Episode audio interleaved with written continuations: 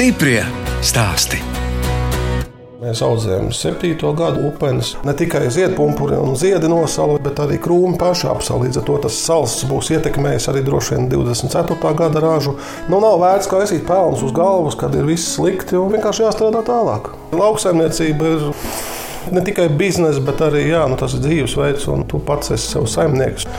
Un izlēmu, kad ko darīt un kā darīt. Un, ja man jārok grāvis, es roku tad, kad vajag, vai tad, kad var to grāvi izrakt, nevis līdz lietus un dubļi līdz acīm, ja es roku grāvi. Tā stāsta upeņu audzētājs Gunārs Kārkliņš no Limbaģa novada Viļķernes pagasta kalnvībiešiem.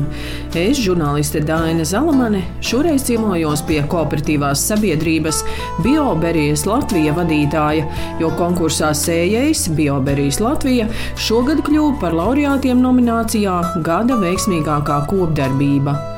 Kooperatīvs izveidots pirms pieciem gadiem, un šobrīd tajā ir 42 biedri. Ar Gundaru tiekamies Limbaģu novada Viļķenes pagastā, viņa vecvectēva īpašumā. Viņš bija liels saimnieks ar 120 hektāriem, un manam vectēvam bija 60 hektāri. Un tie 60 hektāri atkal sadalījās starp manu tēvu un viņa brāli. Tātad katram pa 30. Tēvs gan no šejienes tika padzīts. Tas bija 49. Jā, kaut kāds gads. Un 90. un 91. tad mēs atguvām šo īpašumu. Sākumā, protams, tēvs, te, kad atguvām zemi, tad mēs te braucām kartupeļus audzēt, tur kādā pusotrā hektārā burkānus. Bet tad man likās, ka tas lauksaimniecības bizness ir tāds galīgi nekāds. Tomēr iepriekšējā paudze, vecākā paudze strādāja savādāk, domāja savādāk. Jo ir jau jārēķina arī savs darbs. Un, kad to saliek teiksim, kaut vai tā uz papīra, tad tu redzi, ka, piemēram, tie kartupeļi, tu tur visu vasaru noņēmies un jēgas nekādas. Tā peļņa ir tik niecīga, jo mēs dzīvojam Rīgā, tev jābrauk kā tas sestdienas, svētdienas, tu brauc tā kā tāds vergs. Ja? Mēs Rīgā dzīvojām padomu laikos, privātā mājā, bija siltumnīca, audzējām tulpes, krizantēmas, līdz ar to zemes darbi nav īsti tādi sveši. Vasarā bija tomāti, nu, un rudenos bija krizantēmas. Un ko jums tur nācās darīt? Visu. Gan stādīt, gan rakt ārā, nest siltumnīcā, zemes mainīt. Tā tirgošana arī padevās un patika. Gundara sieva Diana Kārkliņa izaugusi Ikšķilē. Vecākiem bija dārziņš un vasarnīca, un vecajai mammai bija trīs dārzi laukos un govs, un bija jābrauc siena talkās, tā ka kaut kāda lauku darbi jau, jau man ir diezgan pazīstami arī. Un jūs šobrīd esat Nu, var teikt, mana kolēģi, jā, žurnālisti. Jā, jā, es strādāju laikrakstā Diena, esmu žurnāliste un redaktore. Turpinu darbu. Pirmajos gados, kad mēs sākām savu lauksaimniecības projektu, tad tas lieti noderēja kā finansiāla stute. Un tad, kā tad jūs izdomājat, ka tās upenes varētu audzēt? Ar upenēm bija tā, ka es beidzu darba gaitas valsts iestādē. Pēc izglītības es esmu jurists. Un tā kā drusku arī bija apnicis jau. Vienos kursos man pasniedzēja sāka stāstīt, ka viņa pati ir apgūusi šos Eiropas fondus, un tad viņa tur iestādīja 5 hektārus smilšēkšus. Es tā domāju, man ir 10 hektāri kopā, kāpēc es nevarētu arī iestādīt kaut kādus 5 hektārus. Un tad vienā dienā sieva man parādīja rakstu viens jaunietis, jaunieklis, netālu pie tā no mums, ir ielicis rakstu par upenēm. Kolēģi bija nointervējuši Andriu Krogzemu un Diānu Krogzemu par viņu saimniecību un saimniekošanu. Tad maisam gals bija vaļā ar to laikam arī. Aizbraucu ciemos, iepazinos, un viņi audzēja upeņu stādus. Tā tehnoloģija vienkāršāka, apkopšana, novākšana ir vairāk mehanizēta nekā rokām. Saprašana, protams, par to tajā laikā nebija nekāda, jo kā mēs joprojām daudz smejamies kooperatīvā, ceļš tie, kas sāka tajos pirmajos gados, kad tur jau nekas nav jādara. Sestdienās, svētdienās aliņu dzerdams ar kultivatoru izskrien cauri un brīvs, un viss aug pats no sevis. Diemžēl tā nav, darbs ir pietiekami daudz. Arī šis kooperatīvs mums palīdz cenšamies neuzkāpt visu uz vienu un tā pašu grābekļa, jo, ja kāds kaut ko sliktu ir izdarījis, nu, viņš jau padalās, pasakā, nu, kaut kā šī tā izdarīja, stulbi sanāca. Šobrīd mēs audzējam septīto gadu, laikam, upenes. Es saku, nu, vēl pēc desmit gadiem, nu, tad apmēram būsim tādi kaut cik gudri. Jā, mums ir trīs upeņu lauki, un tas pirmais lauks ir tāds, nu, kur mēs redzam visas savas kļūdas. Kādā zemē viņas tika iestādītas? Rīnstarpās tika iesāstīts nevis tīrais aboliņš, bet aboliņš plus stiepžzāles. Ko nevajadzēja darīt, kas tikai palielināja nezāļu daudzumu. Nu, tādā garā uz priekšu, principā ar katru nākamo lauku un katru nākamo gadu, paši kļūst gudrāki un tad jau mācās kaut ko, izdara secinājumus no savām nepareizajām darbībām iepriekšējos gados. Diana, tā kā jūs dzīvojat Rīgā, darbs joprojām ir Rīgā. Jā. Ko jūs teicāt, ka tieši nolēma te kaut ko darīt laukos? Es teicu, lai dara. Tas, kas mani priecē katrā ziņā, ka man liekas, ka Gundars šajā darbā, lauksaimniecībā, jūt daudz lielāku piepildījumu un spēja arī sevi daudz vairāk realizēt nekā jurista darbā. Bet tās jurista zināšanas jau droši vien arī vadot kooperatīvu noder, vai ne? Noteikti, jā. jā, protams, tā zināšanas noder ne tikai vadot kooperatīvu, bet arī dibinot savu saimniecību, jo šie papīra darbi nu, īsti tā kā nebaida. Tas liekas vienkārši un, un pašsaprotami. Man teiksim, tas ārprāts likās šie Eiropas fondi. Un, protams, pēc pirmā fonda apgūšanas tika iegādāti pirmie upeņu stādi, neliela tehnika. Tad, protams, sapratu, ka nu, nekas briesmīgs tas nav. Nu, jāiet uz priekšu. Diana, cik jūs iesaistāties šajā upeņu biznesā? nu, kā es smējos, un Gunaram saka, ka es šeit esmu līdzīpašniece mūsu sijā, guka un melnstrādniece. Vasarās, kad ir jāravē upeņu spraudeņi pirms sādīšanas, kad ir, ir rudeņos jāstāda jaunas upeņu platības, kad ir katru vasaru, ja vien ir raža, kad ir jāvāc tā raža un jāstāv uz kombaina.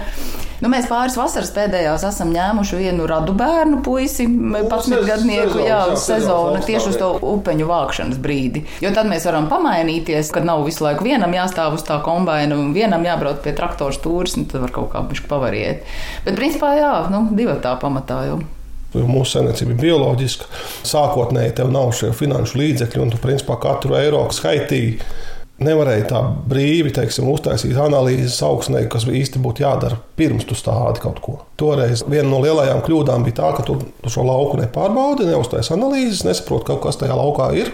Un tad, kad tu esi sastādījis, pēc pāris gadiem uztaisot analīzi, secinājām, ka barības vielas ir vairākas reizes zem normas. Tad tu brīnies, kāpēc tev īsti nav ražības un kāpēc tas krūms apsalst. Jo šī gada salas nodara lielu postu, bet ja tas augs ir tāpat kā cilvēks, vesels, paēdis, ar labu imūnsistēmu, tad bojā viņš īsti neaizies. Jā, pie lieliem saliem, pie lielām kataklizmām Tur tā raža var samazināties uz pusi vai uz 60%, varbūt pat uz 70%, ja, bet kaut kas būs. Un tāpat tas ir ar kaitēkļiem, ar slimībām. Ja tas augs būs paēdis, stiprs, tad faktiski viņam vajadzētu pašam spēt izcīnīt to visu, teiksim, lai viņš turpinātu labi ražot. Mums Rīgā ir māja, kurā mēs ar sievu dzīvojam. Un šobrīd gan es esmu, kā es pats saku, ar vienu kāju Rīgā, ar otru kāju laukos. Lielāko laikam daļu gan es laika esmu šeit, Viļķenes pagastā nekā Rīgā. Jo īstenībā Rīgā darīt nav ko. Nu, sezona jau arī sākās no agrā pavasara līdz vēlam rudenim. Brīvais posms ir ziemas periods, un tad vairāk par Rīgu var padzīvot. Jā, bet ziemā atkal tāpat tās tev vajag malku gādāt un, un grāvis iztīrīt, izpļaut, iztrimerēt. Stiprie stāsti!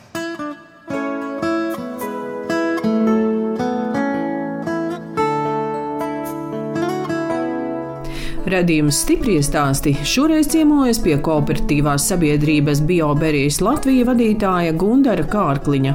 Kooperatīvs šogad saņēma balvu par veiksmīgāko kopdarbību Latvijā, bet pirms pieciem gadiem tajā apvienojās 12 saimniecības.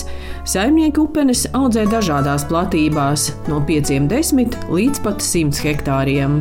Ja mēs būtu 12 atsevišķas saimniecības, mēs piemēram ejam pie viena uzpircēja vai pie viena pārstrādātāja, tad mēs faktiski ka esam konkurenti viens otram un sitam to cenu lejā. Un otrs, arī, ja mēs gribam kaut kādu lielāku pārstrādātāju, tad viņam droši vien neinteresē tonna vai piecas. Viņam interesē droši vien tur, nezinu, fūre vai divas fūres vai piecas fūres, nu kaut kā tā apmēram, kurā fūrē ir 20 tonnas. Un, jo mēs esam lielāki un varenāki, mēs varam drusciņi diktēt savus noteikumus un, un arī piedāvāt kaut ko varbūt interesantāku. Mūsu sarunā piedalās arī divi kooperatīvu biedri.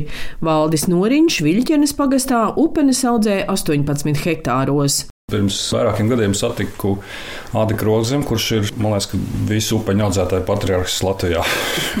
Bijušais rīznieks, jā, jā, kurš veiksmīgi audzē upenes. Jā. Man arī bija nedaudz zemes, un es domāju, ko ar to darīt. Izīrēt vairs nebija interesanti. Tad es izdomāju, ka es audzēšu upenes, un tā es radīju sev problēmas. Tad man vajadzēja zemi klāt vēl. Tādas aizgāja. Ka upeņu audzēšana ir tāds hobijs, man tas nav mans pamatdarbs. Un ar ko jūs nodarbojaties? Es esmu pavisam citā nozarē, es koku apstrādāju. Tad, tad es to upeņu audzēšanu veicu darbdienu vakaros, brīvdienās. Mēs divi ar dēlu, kuram arī ir savs darbs, tas tāds hobijs. Savukārt Raivis Mitskevičs upenes 20 hektāru platībā audzēja pāles pagastā. Tā lieta ir lipīga. Redz, ko kaimiņš dara, un ar to pašu arī sāc interesēties un dara kaut ko līdzīgu. Jūs vēl arī savu seržu mm -hmm. audzējat? Tehnoloģija tieši tāda pati viss kā upenēm. Arī ar Kombināns tas pats, ar vāc. avētāju tie paši, viss tieši tas pats. Jā. Tur nepirks kombināciju, tur viss apstrādes tehnika priekš 5 5 hektāriem. Jā, teiksim, manā gadījumā ir 18. Tad tur var atļauties nopirkt visu tehniku. Bet, ja būs 5, tad pie peļņas ilgi netiks. Cik maksā upeņu kombināns? 25, 30 tūkstoši. Nu, tas ir pusrīns, protams, ir arī par 150 tūkstošiem, kas ir pašgājējis un rindas vācējs. Bet pārsvarā, ko mēs teiksim, mūsu biedri vāc, tad tie ir apmēram 25, 30. Tas priekš mūsu platībām tas Jā. pusvīns ir optimāls. Vai kooperatīvs ir attaisnojis jūsu cerības? Jā, protams. Bet tā galvenā doma bija, ka būs vieglāk pārdot to. Realizēt, Upeni. jā, un izslēgt konkurenci starp biedriem. Un arī interesantāk jautrāk kopā visiem. Visas problēmas vienkāršāk risinās man tā šķiet. Bet mēs jau sakām, ka latviešiem grūti kooperēties. Mm, Es neteiktu, man liekas, ka mūsu gadījumā viņš ir simtprocentīgi atmaksājies. un Mēs neviens katrs atsevišķi nebūtu interesanti kādam pircējam. Es personīgi domāju, ka mēs vēl esam pa mazu, kad vēl varētu būt apmēram tikpat daudz biedru un tikpat daudz novākt, jo tad mēs būtu liels spēlētājs. Tā bioloģiskā audzēšana, tā ir tāda jūsu visu pārliecība. Sākotnēji tā ir pārliecība un dzīvesveids, un pēc tam tikai biznesa. Jo strādājot konvencionāli, var dabūt lielāks ražas un peļņa būs lielāka. Mm, Jā, es teiktu, ka tā ir pārliecība. Pavasara sala dēļ upeņu ražas šogad ir niecīgas. Viss tīro nosaukt, ne tikai ogas, bet arī zāra apsaltas. Raža noteikti ietekmēs smuzulis pāris gadiem, bet ar to jārēķinās. Tā kā jums tas ir hobijs, jums varbūt tas nav tik sāpīgi. Es Ja? raugos to pozitīvi, man bija vairāk atvaļinājumu. Kaut ko mēs novācām, patiesībā raža bija pat, es teiktu, trešā daļa no tā, ko varēja novākt. Sāls ietekmēja krietni. Tā nebija sāla, tas bija sāls. Bija lauko, mēs vispār nevācām, bija lauko, mēs daļai vācām. Bet bija mazāk darba vasarā. Mēs savā saimniecībā arī nevācām neko, jo faktiski apstaigājot laukus, saskaitīt divas vai trīs ogas. Ja mēs salīdzinām ar 22. gadu, mums ir 6,5 reizes vai pat 7 reizes mazāk. Novāktās ogas. Limbaģa novadā jau Ilģenes pagastā mums bija mīnus 7, mīnus 8 grādi, un tas sals jau sākās no ap 9 vakarā, nu tad līdz 8 rītā ir jau kārtīgi mīnus. Un tā nebija viena naktis, tās bija 3 vai 4 naktis. un Pēc tam bija neliela pauze, un pēc tam atkal bija salnas. Tad tās gan bija salnas, ka tev pa nakti uz trijām stundām uznāk tāda mīnus divi, mīnus trīs. Bet laikam tie mazie mīnus jau vairs neko nespēja ietekmēt. Tas jau viss bija beidzies. Kā jūs izdzīvosiet? Gan jau kaut kā izdzīvosim. Jo lauksaimnieks jebkurā nozarē faktiski ir atkarīgs no dabas, no, no tā, ko dieviņš mums dos.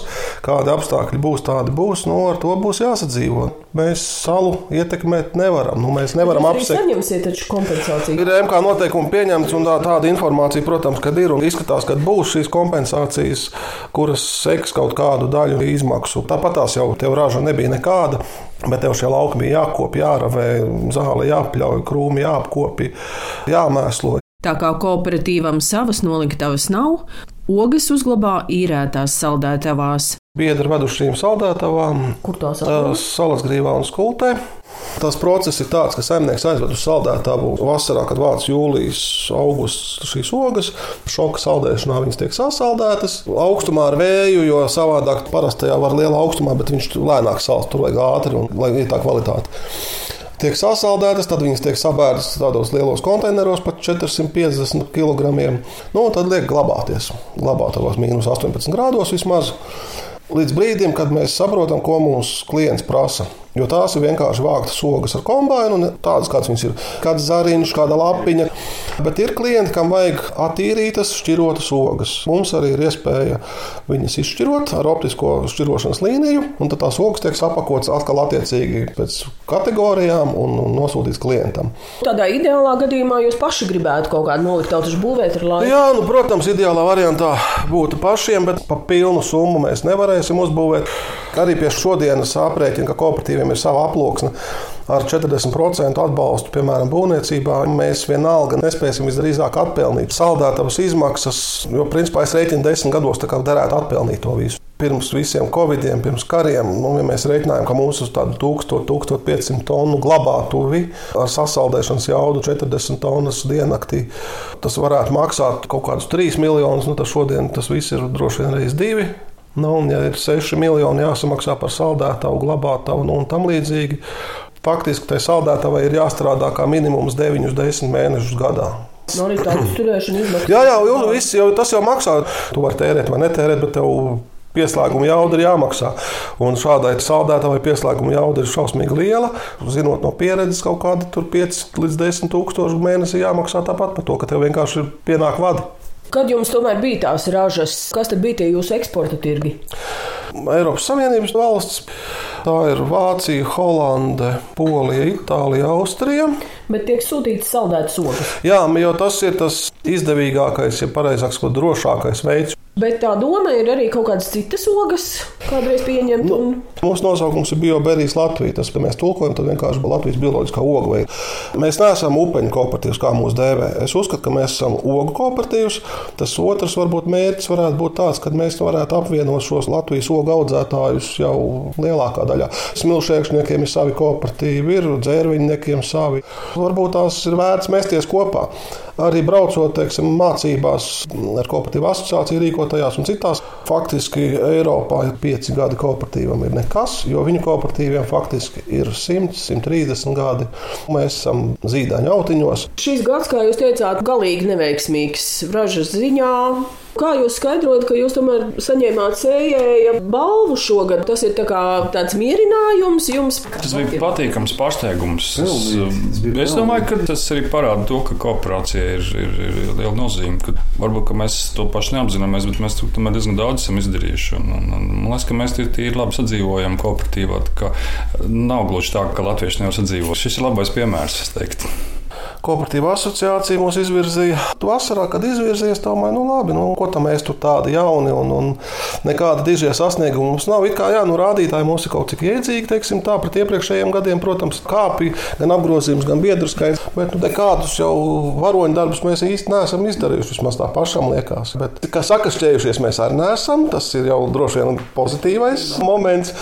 Šī sējai balva vairāk viņa droši vien būtu vērsta uz nākotni mums turpināt iesāktos darbus un tiekties uz augšu, nu, censties to visu vēl labāk izveidot, pārdot, kā saku, ne tikai šobrīd to izēvielu, šo ogu, ja, bet varbūt jau veidot savu kaut kādu ražotni pārstrādēju. Tie ir sapņi, tie ir varbūt ļoti tālu mērķi, bet nu, mērķi ir jāliek. Bet... Liekas, ka balva ir vairāk par tādu gatavību sadarboties. Jo varbūt slikti gadi, varbūt labi gadi no biznesa viedokļa, bet ja tu neesi gatavs kooperēties un sadarboties ar citiem līdzīgajiem, Tad tur rezultāti nebūs jebkurā gadījumā. Manā uztverē tā sējēja balva ir, ir kā tāds novērtējums par to, ka cilvēki no daudzām saimniecībām ir gatavi strādāt pie vienas kopīgas lietas.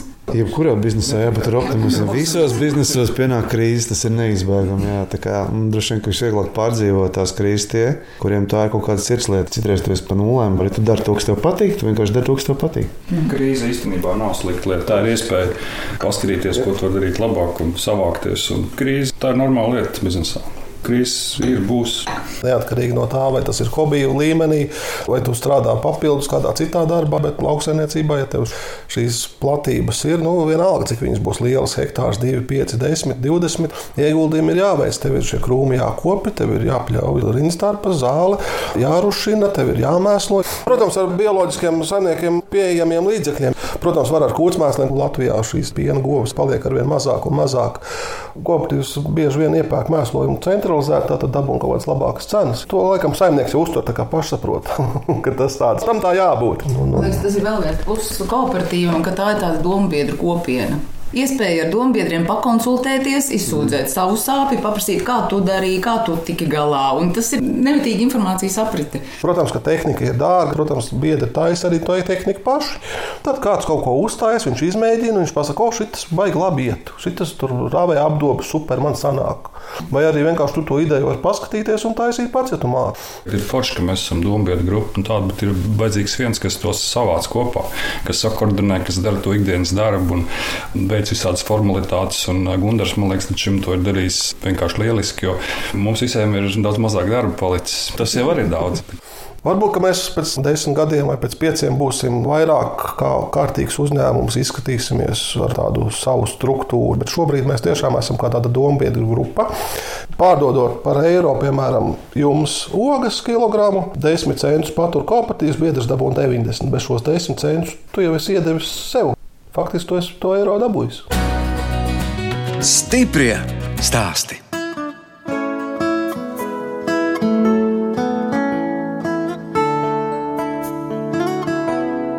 Redījums stipri stāstī turpina ciemoties pie kooperatīva Bioberijas Latvijas vadītāja Gundara Kārkliņa un viņa sievas Diānas Limbažu novada Viļķenes pagastā.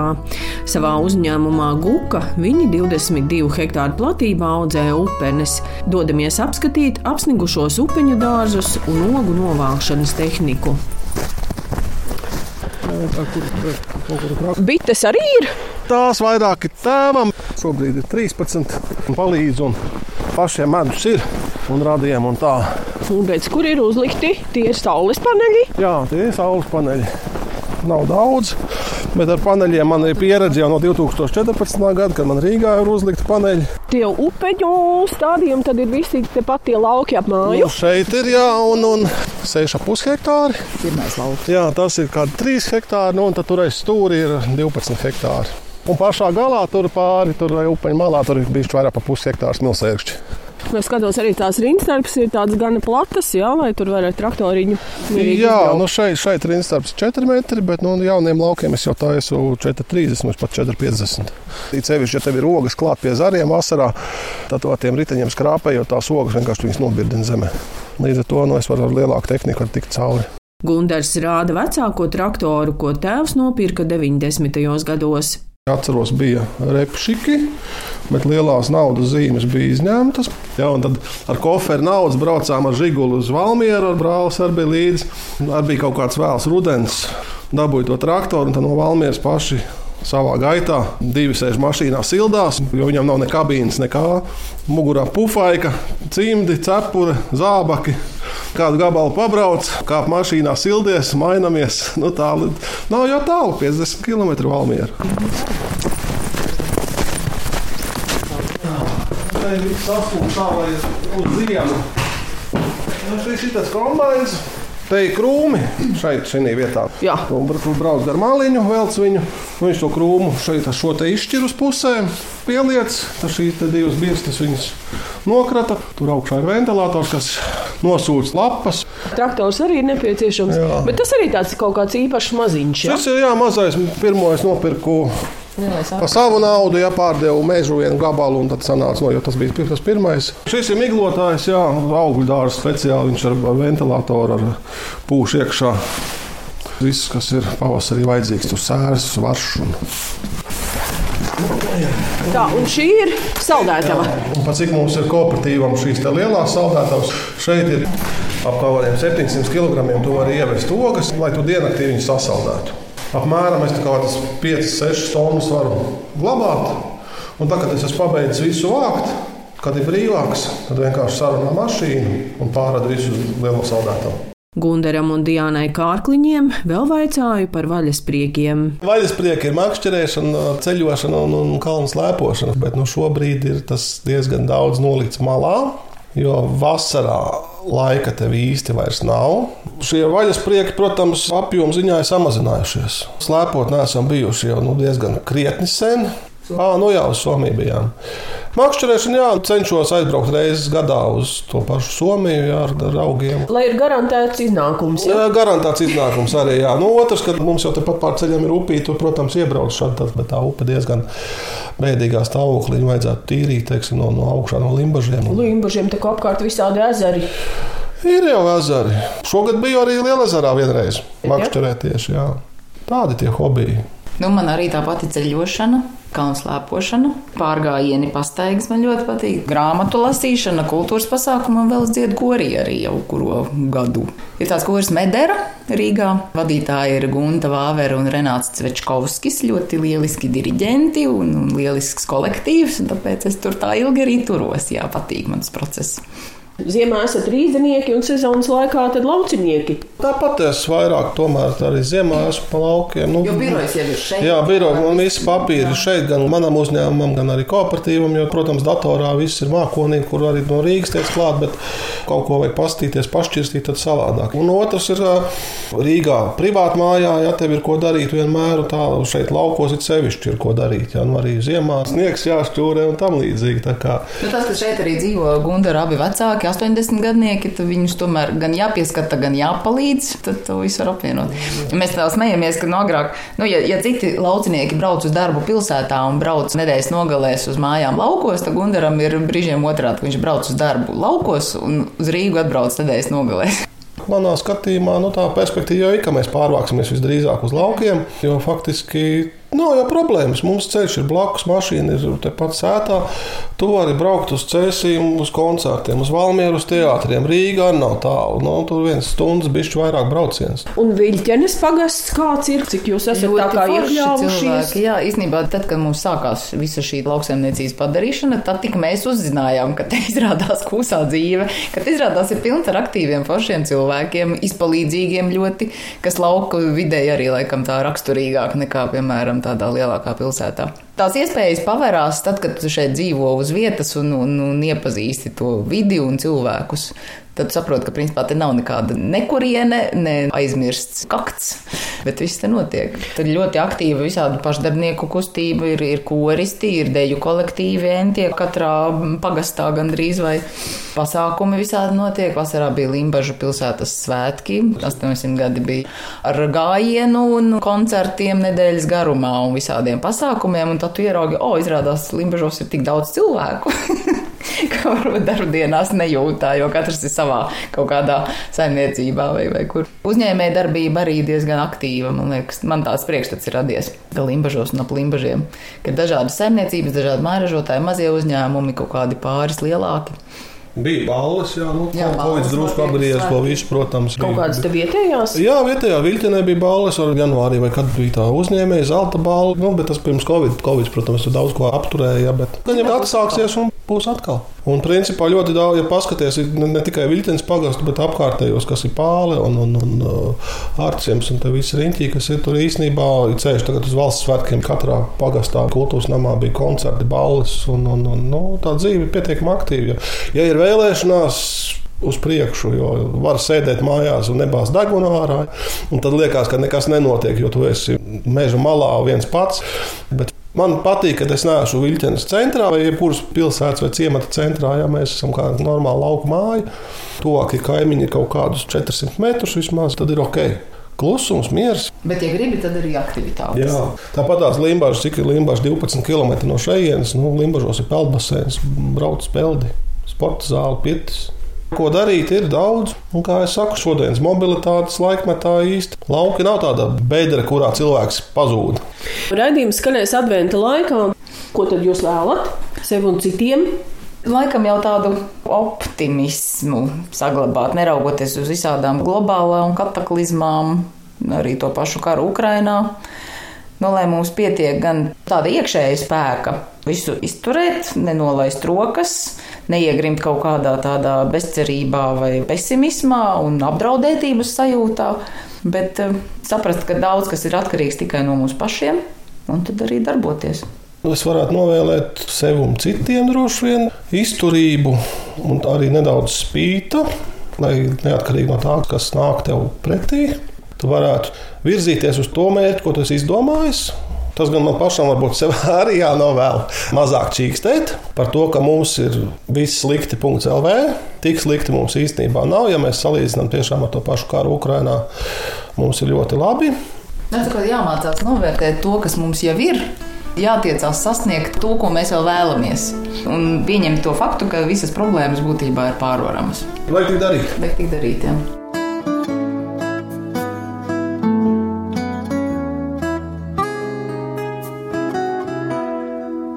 Raidījumā stipri stāsti tikāmies ar Gundaru un Diānu Kārkliņiem, kas Limbažu novada Viļķenes pagastā Sijā Guka 22 hektāru platībā audzē upenes. Gundars vada arī kooperatīvu Bioberijas Latvija, kas šogad konkursā sējais saņēma balvu par veiksmīgāko kopdarbību Latvijā. No jums atvedās žurnāliste Dāna Zalamane un operātore Inga Bēdele, lai tiktos atkal tieši pēc nedēļas.